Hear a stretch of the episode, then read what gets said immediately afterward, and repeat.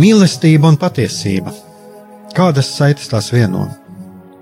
Mēs esam cieši saistīti pirmkārt ar sevi, ar savu būtību, un arī ar pārējo pasauli, ar līdzcilvēkiem, ar sabiedrību. Kur ir mūsu vieta šajā pasaulē? Kā mums katram atrast savu patieso aicinājumu un vietu? Kā sasniegt savas dzīves piepildījumu, mīlestību?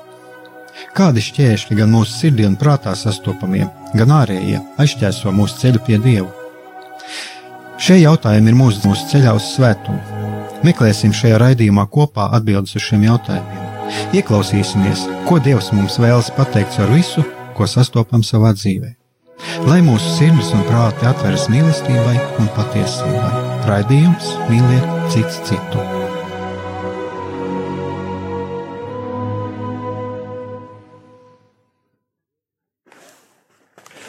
Lai top slavēts Jēzus Kristus, esiet sveicināti, darbie radio klausītāji. Studijā atkal esmu Eikars Brikmanis, un šodien atkal skan redzējums mīliet cits citu, un šodien mēs turpināsim jau iepriekšējos redzējumos sākto tematu.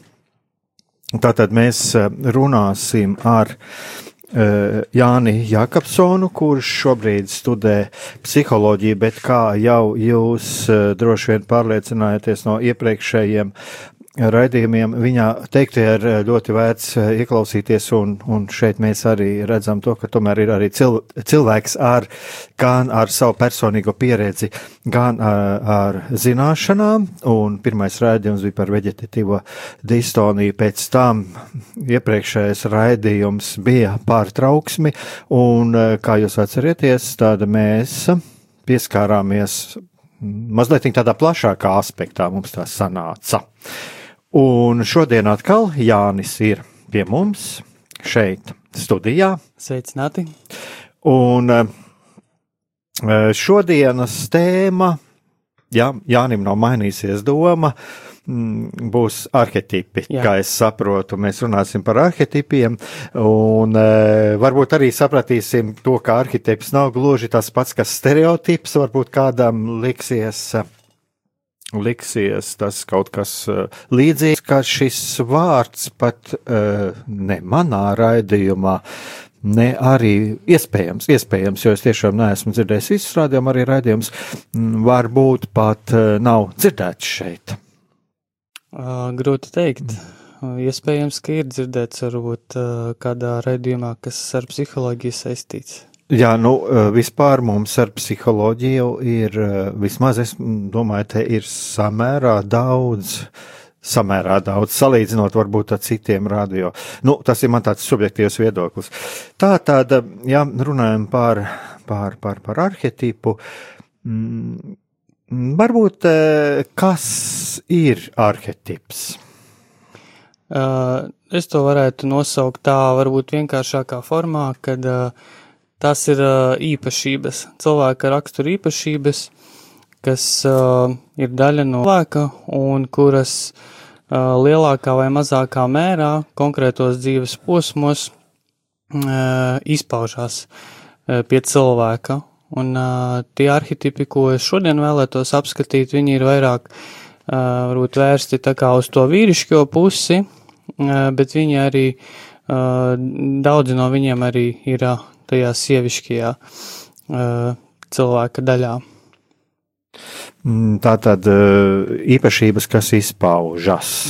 Jā, to varētu teikt raksturīpašības mm arī, jā, zināmā mērā, bet palielam tā, tā ir tās īpašības, kas ir cilvēkā, un vairāk vai mazāk viņas konkrētajos dzīves posmos tā kā izpaužās, jā.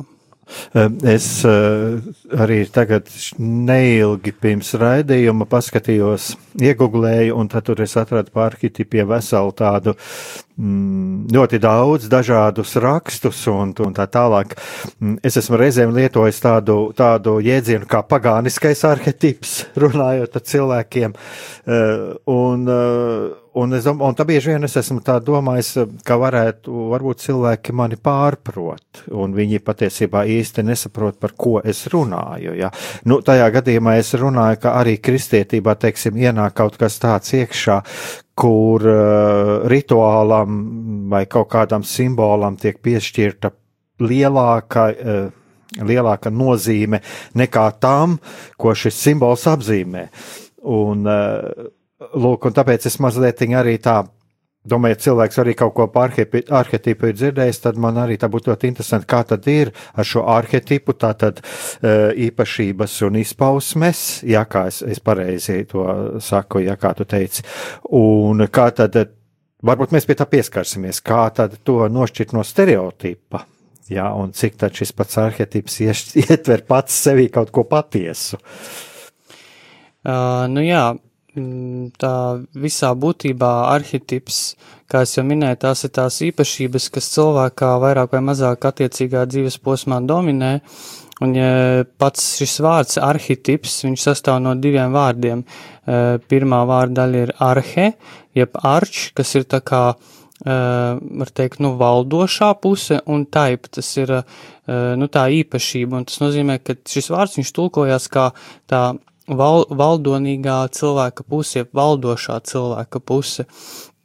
Un uh, mūsos, ja runāt konkrēti par vīriešiem, uh, kā uh, psihologs Karls Jungs ir definējis, ir vismaz šie četri tādi dominējošie arhetipi, un viņi arī ir ļoti tādā redzamā veidā izpaudušies pie, un svarīgi ir pazīt šos te arhetipus, uh, un attiecīgi viņus savā dzīvē integrēt un attīstīt. Jo, ja tas netiek darīts, tad mēs principā nevaram izdzīvot savu to cilvēcisko faktoru un arī vīrišķo un sievišķo identitāti. Tāpēc, jā, šos arhetipus ir ļoti svarīgi pazīt un varbūt pirmais, par ko es tad šodien uzsākšu arhetips, ir Tas, par ko arī raksta viens kristīgs autors, viņu sauc Džons Eldridge. Viņš ir sarakstījis grāmatu, kura saucās Dieva tēvišķība, kā iemācīties to, ko tavs tētis tā arī nekad nevarēja tev iemācīt. Un šajā grāmatā autors, viņš ir tā kā, tā kristīgs sludinātājs, viņš vada dažādas lekcijas un māca vīriešiem par vīrišķību. Uh, Viņš arī pats ģimenes cilvēks, viņš stāsta par savu pieredzi, kā viņš auga, kur viņš tika ievainots kaut kādos attiecīgos bērnības posmos, un kā viņam Dievs palīdzēja atklāt šo te vīrišķību sevī un izdalīt tātad vismaz šos te četrus arhetipus, kas ir vīrietī, un kurus ir ļoti svarīgi attīstīt, ka Dievs jau ir mūsos ielicis šos te arhetipus, un tie četri, viņi ir pirmais šodien, par ko es vēlos pastāstīt, tas ir karotājs, jeb karotāja arhetips, kas ir vīrietī. Tad nākamais sekos tam mīlētājs, ķēniņš un viedais, jeb prātnieks. Un runājot par šo te pirmo arhetipu, kas ir karotājs, tā pati pirmā un galvenā, kā karotājā, uh, Eh, ir tas, ka eh, tā ir vēlme riskēt, tā ir vēlme riskēt un doties principā brīžiem arī nezināmajā. Tas ir tas arī, par ko Jānis Pāvils otrais ir runājis, ka mēs cerībā eh, spēram soli, nezinot, kas mūs gaida. Un to arī, to arī apzīmē šis arhetips, ka tā ir spēja vispirms riskēt un tāds gala mērķis šim arhetipam ir atstāt virs zemes kaut ko pēc sevis.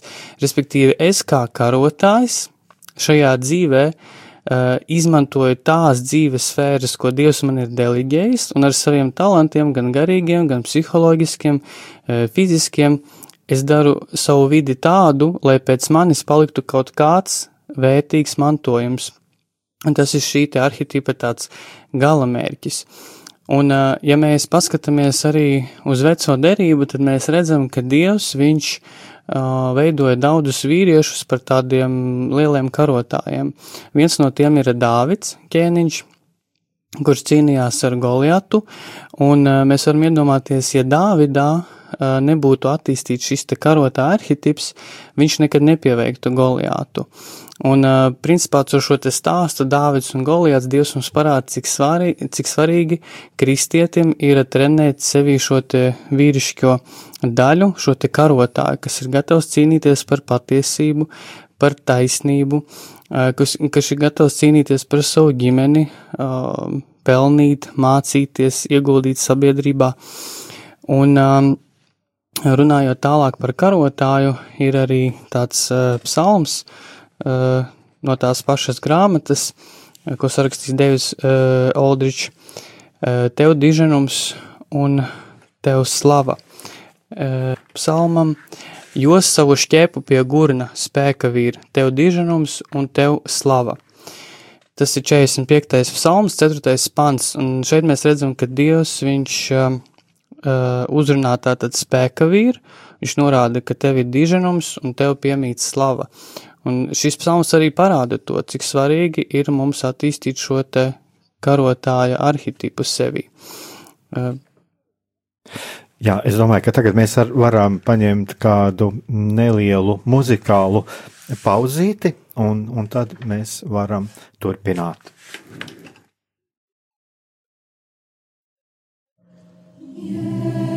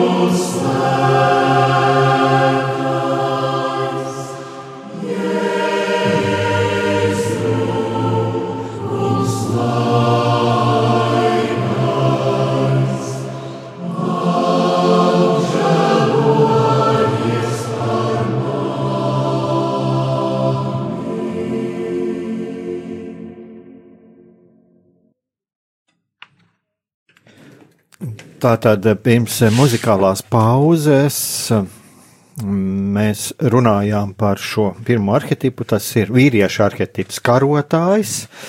Un tātad tur ir šīs īpašības, tātad spēja iet nezināmajā, uzņemties atbildību, aizstāvēt un, eh, un arī atstāt kaut ko aiz sevis. Tā ir tāda ļoti būtiska lieta, jo eh, nu, es esmu reiz, to gan es esmu reiz par reizi atgādinājis arī šeit, eh, rādio runājis par to, ka man šķiet reizēm ir kristiešiem ir tāds, tāda ļoti tāda pacifistiska nostāja. Es ceru, ka mēs arī atgriezīsimies pie Jēzus, jo Jēzus arī pēc būtības nemaz nebija pacifists. Jo mēs tur daudz īpašības, ka mēs redzam to. Jā, jā ceļš, kad, kad viņš izdina no, kas tur nodarbojās ar sliktām lietām, viņš uh, uzpina pātagu. Jā, un, un es tieši šo, šis man tie, tas ir ļoti, ļoti tūs man šis temats, jo viņš, tas, nā, tas nenozīmē, ka bija impulsīvas dusmas kaut kādas, bet viņš pina pātagu. Tātad viņš gatavoja rīku, ar kuru viņus izdzīt ārā. Tas nebija tāds, kad viņu vienkārši nokaitināja, jo tās, tā, bija, tā bija konkrēta darbība. Un tātad šeit es Jā, kad būtībā mēs esam aicināti nostāties arī, nostāties stingri pret ļaunumu, ja, bet kas ir ļoti būtiski, kad atstātais sevis, tātad šis karotājs, kurš nevis grauji posta, bet kas kaut ko atstāja, tas arī man no tevis teiktā, kas man tā eh, palika atmiņā, tā uzrunāja.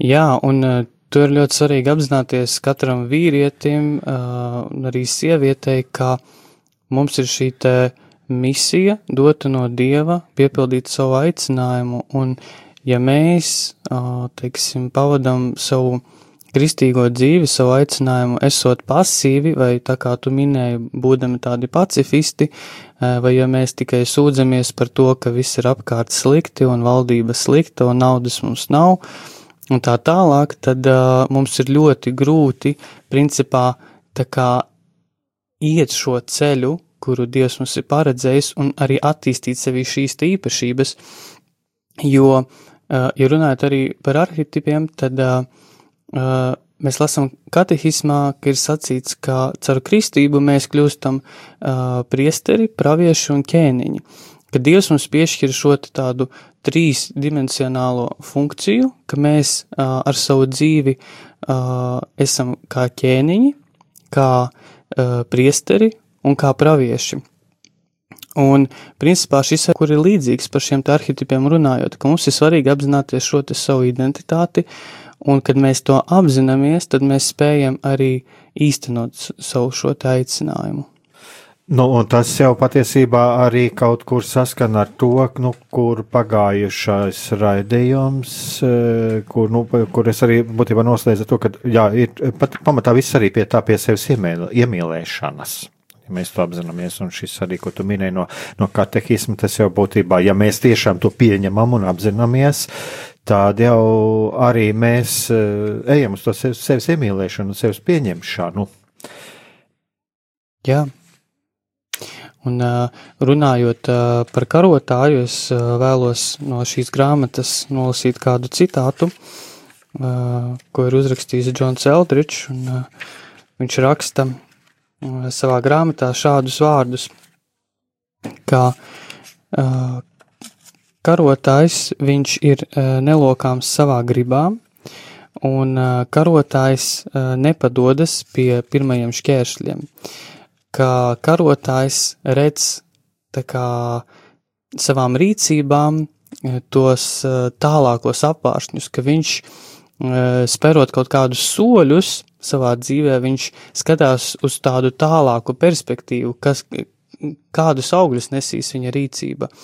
Un ka šeit stāsts arī par to, ka es, būdams karotājs, arī attīstot sevi šo īpašību, es vairāk spēju iepazīt to, kā Dievs karo gan par mani, gan par citu cilvēku dvēselēm, kā viņš karo dienu no dienas par to, lai es būtu piepildīts laimīgs Dieva bērns šajā pasaulē, ka Dievs viņš nemitīgi karo, varbūt arī, nu, tā kā, varbūt Dieva attēla, kad Dievs ir miera Dievs, kas ir taisnība, bet Dievs ir arī karotājs Dievs, kurš dienu no dienas karo, viņš karo pret ļauno garu, pret sātanu, viņš karo arī pret visām sliktām lietām, kas ir pasaulē, varbūt tādā neredzamā veidā, un tas notiek klusām, bet Dievs karo. Un, jā, tas, laikam, arī būtu viss, ko es uh, gribēju minēt par karotāju arhitektu. Jā, nu, šis karotētis, bet tur arī bija tā frāze, arī, ka uh, zi, uh, caur to iepazīt kā dievs karotā, tad šeit ir arī tomēr ļoti svarīgs arī šī, uh, tam karotājam ir ļoti svarīgi, lai viņam būtu arī šī sava garīgā dzīve, tā tad lūkšanas, uh, izvērtēt, izvērtēt, ko dievs vēlās, uh, atpazīt dievu, svētie raksti un tā tālāk. Jā, tā ir noteikti arī garīga disciplīna, kas, kas, kas palīdz uzturēt šo te karotāju arhetipu, jo, nu, garīgā dzīve, protams, ir uh, visam pamats, un uh, tikai ar šiem te garīgiem instrumentiem kā lūkšana, sakramenti, gavēnis, tāda sevis izvērtēšana, mēs varam arī attīstīt šo te karotāju arhetipu sevi. Uh, Nu jā, tā tad lūkšana, sakramentālā dzīve un būtībā garīgā dzīve, bet, bet tagad uh, nākamais tu gribēji runāt par, par šo nākamo arhetipu. E, jā, un nākamais ir uh, mīlētājs. Un šis, manuprāt, ir ļoti svarīgs, jo daudziem vīriešiem viņš var būt tāds neērts un, teiksim, kaut kas, par ko ir grūti noteikti runāt, it sevišķi vīriešu kompānijā, bet šis te mīlētāja arhetips, viņš ir, es teiktu, pat, nu, svarīgs mūsu pestīšanai, jo mīlētāja arhetips sievietē šo te maigo sirdi. Un ja mūsu sirdis uh, ir akmeņainas, ja viņas nav maigas, tad mēs arī nevaram uztvert šo te uh, dieva mīlestību īstenībā. Un uh, mīlētāja arhetips uh, vispirms nozīmē to, ka es apzinos to, ka man uh, piemīt šī te seksualitāte, ka es esmu būtne, kurai ir svarīgi arī veselīgā veidā realizēt savu uh, seksualitāti, un uh, atrast veidus, kā es kā mīlētājs varu gan saņemt, gan dot šo te, uh, teiksim, tā maigo mīlestību, kas vairāk tāda varbūt uh, ir ju, jutekliskas formas mīlestība. Šeit iet runa par, uh, teiksim, laulāto starpā tie ir pieskārieni, uh, tie ir kaut kādi mīlestības žesti, tas ir tas pats uh, skūpsts, uh, ja cilvēkam, teiksim, nav otras pusītes, viņš nav laulājies, tad ir tāpat ir jāmeklē šie te veselīgie veidi, kā savu šo te seksualitāti realizēt savā dzīvē tā, lai tas nav grēcīgi, bet noteikti to no savas dzīves nenogriez nost, jo bieži vien arī es pamanu tādu tendenci, ka cilvēks viņš varbūt nāk pie dieva un viņš cenšas tā kā noraidīt, jeb neatzīt to, ka viņam ir šīs te cilvēciskās vajadzības, kā vajadzība pēc tāda patiesa un tuva cilvēciska, es teiktu, pat draudzīga kontakta, jā, kad cilvēkam ir svarīgi, lai viņam ir kāds tūs draugs, ar kur viņš var izrunāties, ar kuru viņš var pie tējas tases pastāstīt par savām, teiksim, viņš var atļauties arī varbūt aiziet uz baseinu vai uz spirti un tādā veidā arī ar šiem te tādiem, varbūt, nu, materiāliem momentiem, kā ūdens, jā, tur siltums, viņš savā veidā arī veido šo te kontaktu ar savu ķermeni, ka viņš nenogriež šo te cilvēciskās dimensijas pusi un ka viņš cenšas uh, meklēt šo veselīgo kontaktu ar apkārtējo pasauli, ka tā nav tāda sevis vienkārši nogriešana un ka visa uzmanība tikai uz garīgo, bet to, to uh, psiholoģisko pusi atstāt novārtā. Uh, jā, tu te pieskāries arī šim jautājumam par seksualitāti, un es domāju, ka uh, ka arī šeit uh, varbūt ir tā problēma, arī visi šie skandāli un tas, kas tagad at, uh, parādās, ja arī šīs izkropļotās formas, ka savā ziņā tas arī ir rezultāts kaut kam, ko cilvēks ir sevi apspiedis, un, un iespējams, kad, kad uh, par šo lietu arī, arī tomēr ir jā, jācenšas runāt un drosmīgi runāt arī, lai cilvēki tomēr arī sevi šo neapspiestu un, un saprastu, kur kur to likt, ko to darīt. Mm, e, jā, un runājot konkrēti par pieskārieniem, tad uh, zinātnieki ir izpētījuši, ka cilvēkam dienā ir vajadzīgi vismaz 8 līdz 10 pieskārieni no kāda cilvēka, ja? Tas var būt tas pats uh, rokas paspiešana, ja kādam kolēģim, tā var būt vienkārši apkamšanās ar kādu brāli vai māsu satiekot viņu. Uh, Tas var būt glaudiens pa plecu, kaut kas, kas veido kontaktu ar mani. Un ja cilvēks, tas arī ir zinātniski izpētīts, ja cilvēks nesaņem šo te pieskārienu veselīgo, tad uh, ar laiku viņš pat var, var iekrist dep, viņš pazaudē kontaktu ar savu ķermeni, un viņa jūtu pasaulē, viņa kļūst tāda atsaldināta, viņa kļūst augsta. Un caur šo te augstumu uh, psiholoģisko cilvēks viņš arī zināmā mērā pazaudē kontaktu ar Dievu, jo uh, kur ir Dievs, tur vienmēr ir dzīvība, tur vienmēr ir, teiksim, kaut kāds entuziasms, radošums, kreativitāte, Bet, ja cilvēkam nav šī kontakta nedz ar savu ķermeni, un ja viņš baidās iet veselīgā kontaktā ar apkārtējo pasauli, ja viņš noliec to, ka viņam ir šī seksualitāte, tad viņš zaudē arī eh, pazaudēt savu garīgo dzīvi, jo viņa var kļūt tāda augsta un atsaldēta. Nu jā, un tad kļūst šis eh, cilvēks var kļūt par šo moralizētāju, Un eh, kurš būtībā, mm, jā, būtībā viņš kādreiz nosoda citos to, ko viņš patiesībā vēlētos pats realizēt, un tas arī attiecās uz šīm seksuālajām attiecībām. Es kā gribētu šeit arī, darbie radio klausītāji, uzsvērt, ka šeit nenozīmē, ka mēs šeit tagad runājam par kaut kādām seksuālām vaļībām vai kas, bet te ir runa par pieskārieniem, par skatieniem, par apskāvieniem, par, par to, kur mēs parādām, parādām cilvēkam, ka viņš mums ir tuvs, dārgs. Mm, tādā veidā mēs parādām savu mīlestību, jo galu galā e, arī mēs esam tie, caur kuriem dieva mīlestību mēs varam nest pasaulē, arī šādā veidā likt, likt cilvēkam justies mīlētam un pieņemtam. Tieši tā, tu labi minēji, un uh, tas ir arī tāds mīlestības taustām, taustāmais veids, jā. Šeit noteikti neiet runa par grēku, jo es jau biju minējis, ka izpaust pieskārienus veselīgā veidā, jā. Un, uh, ja mēs paskatāmies uz to pašu Kristu, tad pēdējo visvētāko sakramentu, tad apustulis Jānis, viņš gulēja viņam uz krūtīm, jā, un nebūt nekur nevarētu padomāt, ka tas bija kaut kāds, kaut kāds homoseksuāls žests, pie tam Kristus bija Dievs, jā, bet viņš parādīja to, ka var būt veselīgas, siltas un tuvas, draudzīgas attiecības, un tas nenozīmē, ka tas ir grēks, ja mēs veselīgā veidā meklējam šo te kontaktu. Un tālāk runājot par šo te mīlētāju arhetipu, ir arī viens no veidiem, teiksim, kā mēs varam vairāk iepazīt savu šo arhetipa pusi. Mēs varam uzrakstīt sev mīlestības vēstuli, teiksim, kas būtu adresēta man, un tajā vēstulē es uh, rakstu to, kā es vēlētos, lai par mani rūpētos uh, otrs cilvēks. Vai tas būtu laulātais, kuru es gaidu, vai tas būtu jau mans esošais vīrs vai sieva, kā es vēlētos, lai šis cilvēks par mani rūpētos. Un tad mēs uzrakstam tādu mīlestības vēstuli sev, un ar to tekstu mēs atklāsim tās ilgas, pēc kā mēs ilgojamies, un viena no šīm ilgām noteikti būs, ka es vēlos uzmanību, Es vēlos šo te svarīgo acu kontaktu.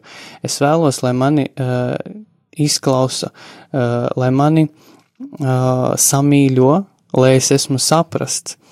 Un uh, šīs ir tādas pamatlietas. Tāpēc uh, šis te mīlēta arhitips viņš ļoti svarīgs, it sevišķi vīriešiem, jo vīriešiem ir šī te tendence vienkārši iegrimt darbā un, uh, nu, var teikt, ignorēt to, kad ir šīs te tādas uh, jutekliskās emocionālās vajadzības, caur kurām šis arhitips īsteno arī at, atkal runāt par Dāvidu, tad mēs redzam, ka viņš uh, bija tāds liels mīlētājs, jo viņš sarakstīja psalmus, un tajos psalmos ir sarakstītas tik skaistas poēzijas, ka viņam noteikti bija šī tāda mīlētājas sirds,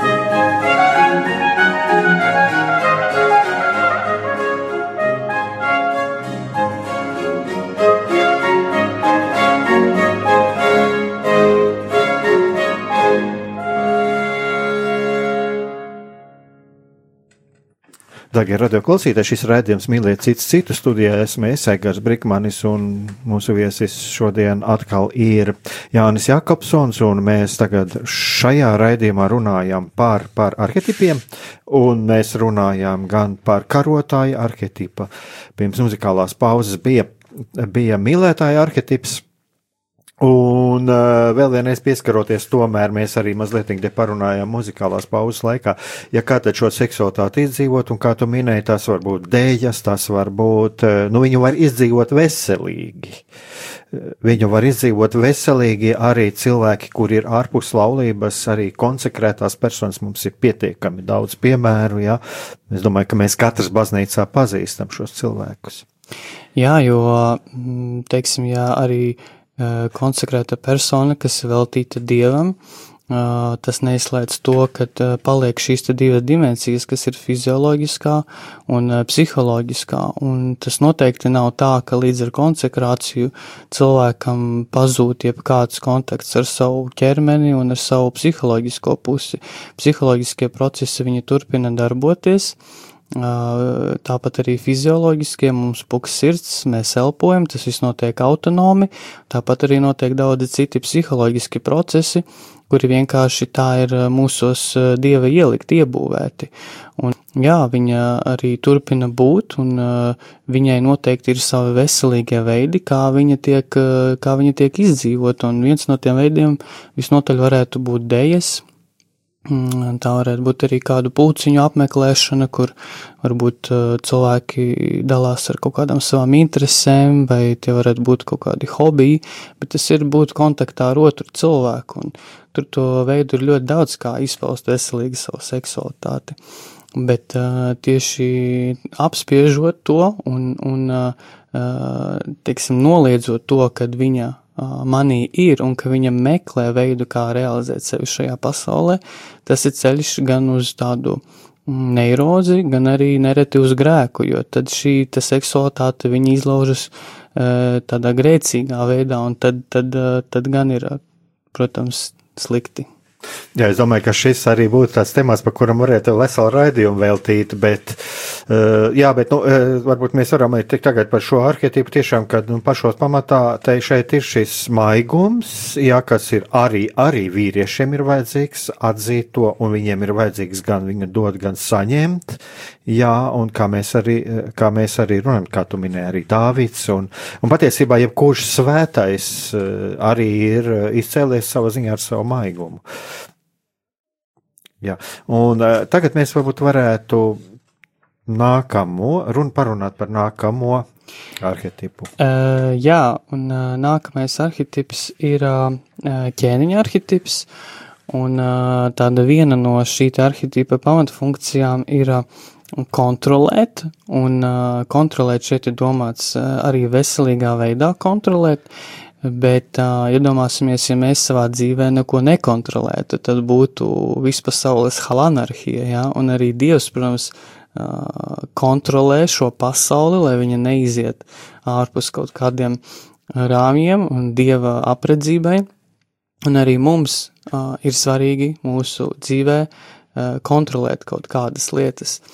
Un uh, tāds galamērķis šim uh, arhetipam ir uh, nodrošināt apkārtējiem labklājību, jeb varētu teikt valdīt. Tā kā tā ķēniņa funkcija ir valdīt tādā veidā, lai tiktu nodrošinātas gan savas, gan apkārtējo vajadzības.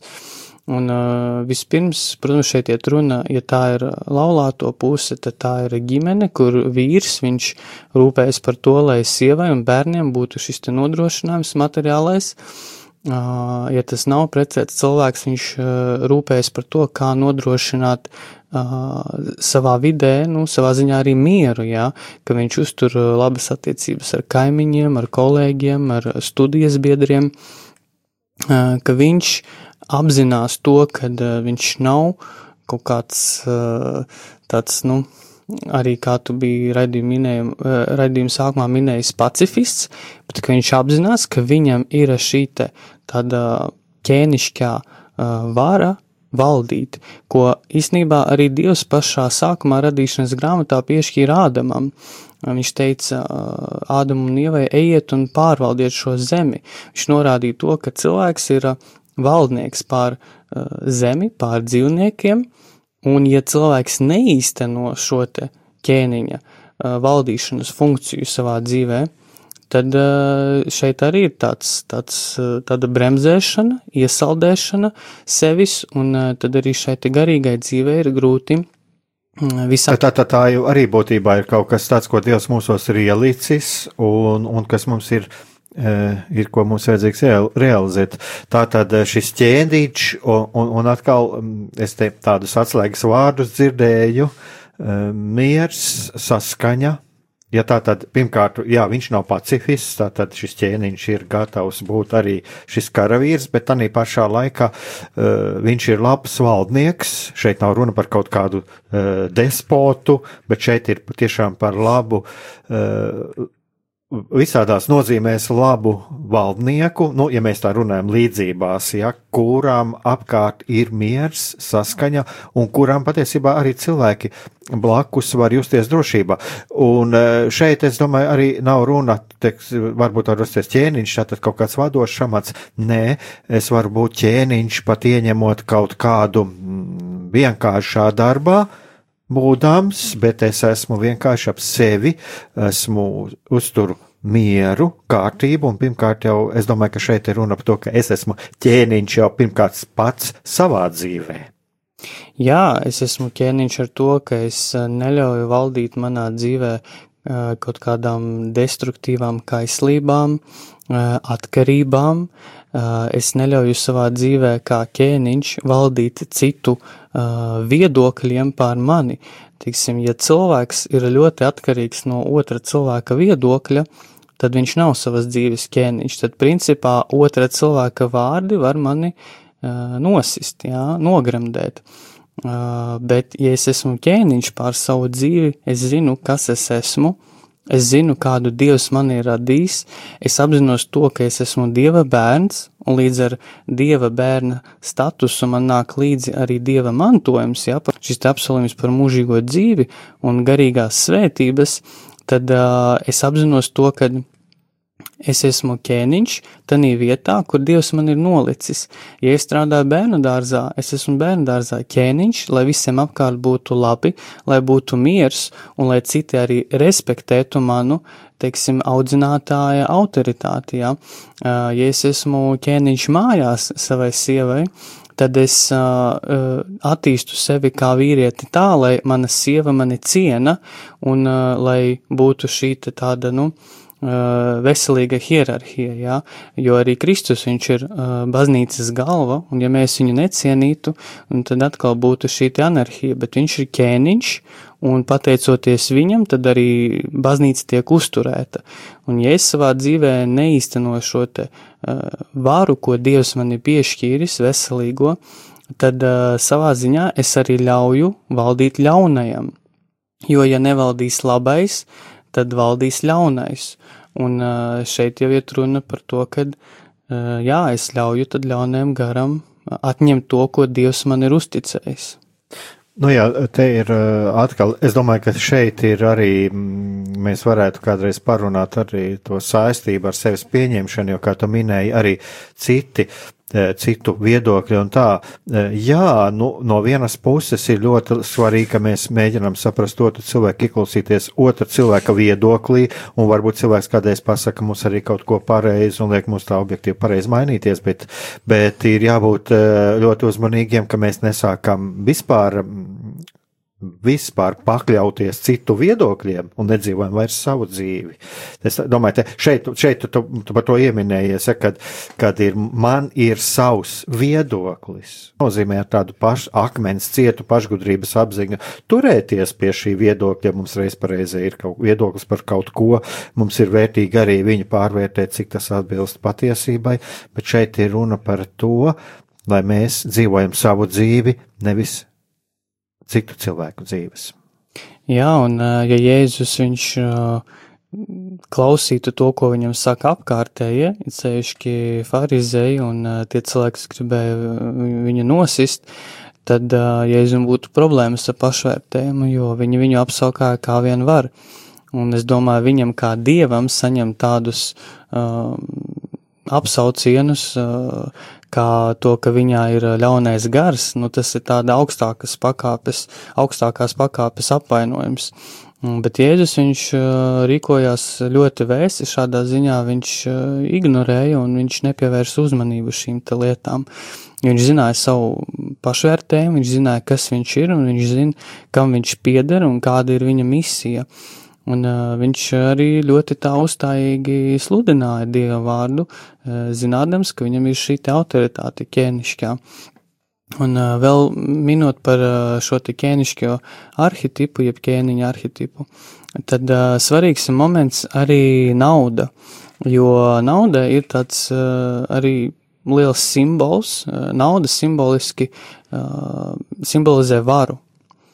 Un uh, nereti cilvēkam dzīvē, uh, vīrietim, ja viņam ir problēmas ar naudu, tad tas ir daudz dziļāk nekā vienkārši stāsts par to, ka viņam nav naudas, bet tas ir stāsts par to, ka viņš nav uh, apzinājies un uh, izpratis savu šo te ķēniņa uh, īpašību sevī, ka viņš neapzināti dieva dotā vara valdīt savā dzīvē par konkrētām lietām, Un, ja viņš neapzinās savu šo identitātes daļu, tad viņam arī būs problēmas finansiālajā jomā.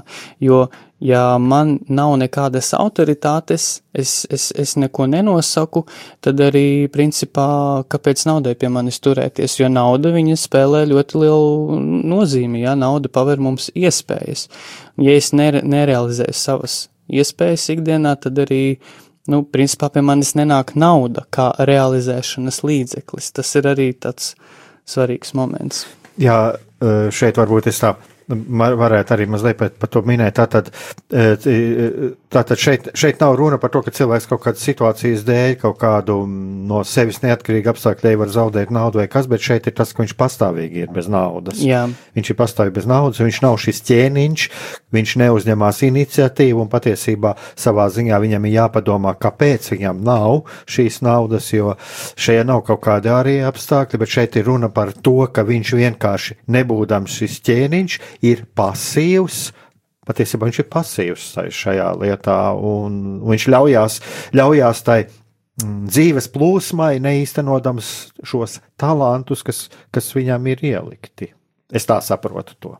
E, jā, un arī caur šo momentu, ka ja cilvēks neapzinās šo ķēnišķo daļu sevī, tad principā viņš arī nemāk uh, sevi novērtēt finansiāli tādā ziņā, ka zemapziņā viņam ir šī te tāda nostādne, ka es neesmu cienīgs pelnīt tik un tik, un es neesmu cienīgs, ka manā dzīvē būtu uh, konkrētas naudas summas, ja, vai ienākumi, jo nauda arī nozīmē atbildību, un ja es neesmu atbildējis, es baidos no tā, tad es arī savā ziņā baidos no naudas, un tāpēc arī uh, cilvēks eh, zemapziņas eh, vadīts, viņš savā dzīvē eh, daudzas lietas dara tā un pakārto, lai šī nauda vienkārši pie viņa nenāktu. Un varbūt pēc tam cilvēks mm, pārdzīvo un domā, ka Dievs viņam ir kaut ko atņēmis vai nedod, bet atkal tas ir tālu no patiesības, jo šeit ir stāsts tikai un vienīgi par to, ka cilvēks nav apzinājis šo te ķēniņa daļu sevī. Patiesībā viņš nav saklausījis, ko Dievs viņam grib teikt. Arī. Jā, e, nu, tā, tā es to interpretēju. E, bet e, es skatos, ka mums jau raidījums uz beigām tuvojas. Mm, ir viss par šo, pat tagad par šiem arhetipiem ir viss, bet es tā jūtu, ka tur vēl kaut kas bija palicis. Jā, mums vēl palika prātnieka arhetips. Um, tas, jā, varbūt tā īsumā runājot, tas ir uh, tāds arhetips, kur cilvēks, viņš uh, cenšas savā dzīvē arī uh, īstenot šo intelektuālo pusi, un ka viņš ir meklētājs, ka viņš ir tāds garīgs meklētājs, kurš uzdod sev jautājumus, kas es esmu, kāpēc es šajā dzīvē esmu, kāpēc es esmu tur, kur es esmu, ka viņš ir tāds nemitīgs sevis un pasaules izzināšanas procesā.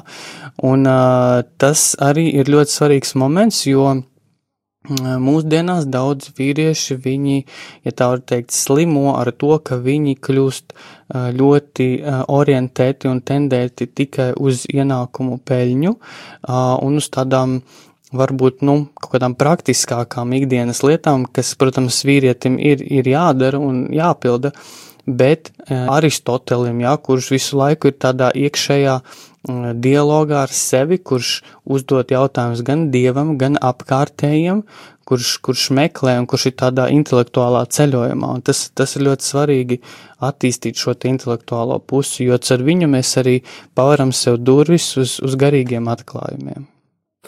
Jā, nu šeit ir tā ļoti skaisti. Mēs redzam to, kā, kā mūsu šī intelektuālā un garīgā puse, kur mums viņi var satikties.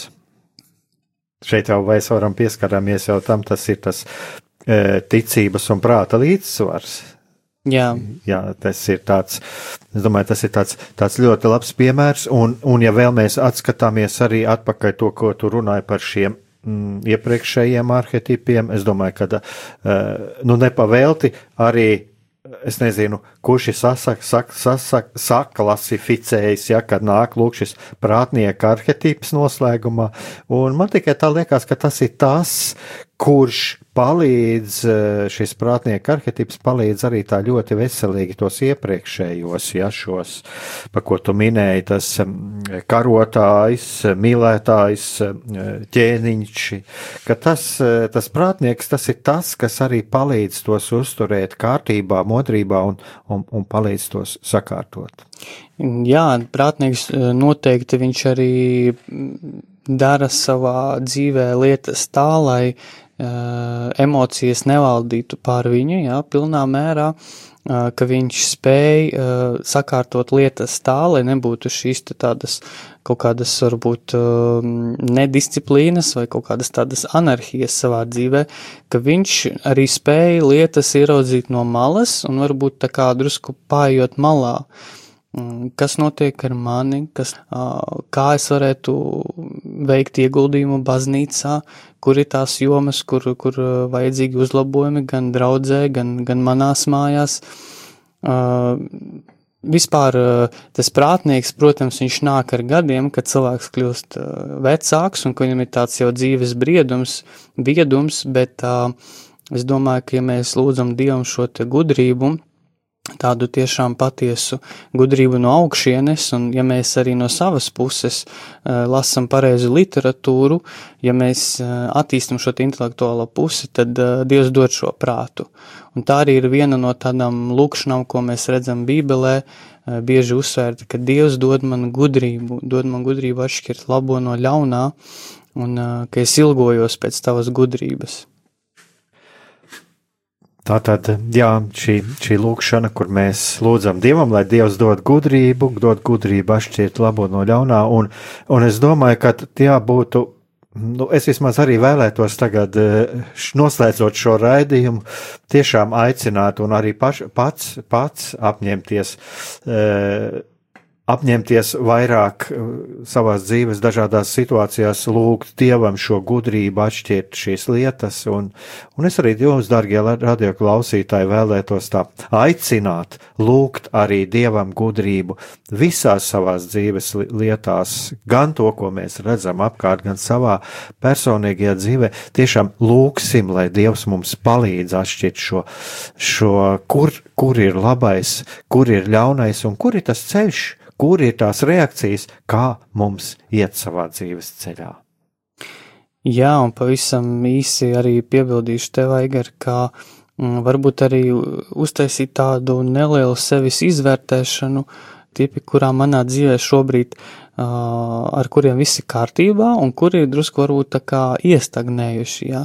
Ja man viss ir kārtībā ar mīlētāju arhetipu, ja es esmu romantisks cilvēks, ja man viss ir kārtībā ar emocijām, ar jūtu pasauli, tad varbūt es kaut kur prāta līmenī, jeb šī te viedā prātnieka arhetipā drusku bremzē, jeb, ja es esmu uh, karotājs, tad varbūt otrādi manī šīs te mīlētāja arhetips bremzē, tā kā saprast, kas ir tā uh, puse, kas manī, nu, vēl tā kā varbūt nav izlauzusies. Un tad uh, spērt soļus, drošus lūgt Dievam, lai mani attīstās kāda no šīm te arhetipa daļām. Darbie radio klausītāji, tātad šis, šis ir. Šis jau bija raidījums Mīliet cits citu, kuru mēs noslēdzam, un atgādināšu tikai, ka šeit studijā bijām mēs, Aigars Brikmanis, un, un es sarunājos ar, ar, es teikšu, ar psihologu Jāni Jākopsonu, un tiešām, lai mums izvēlās, lai mums izdodas, lai mums izdodas, ja kā, kā arī Jānis teica, tiešām izvērtēt šīs lietas un, un, ja, un saprast, ko tad Dievs, ko tad Viņš eh, vēlās mums dzīvē, ko Viņš mums pasniedz, un, jā, un lai mūsu ceļš tiešām būtu svētību piepildīts. Amen.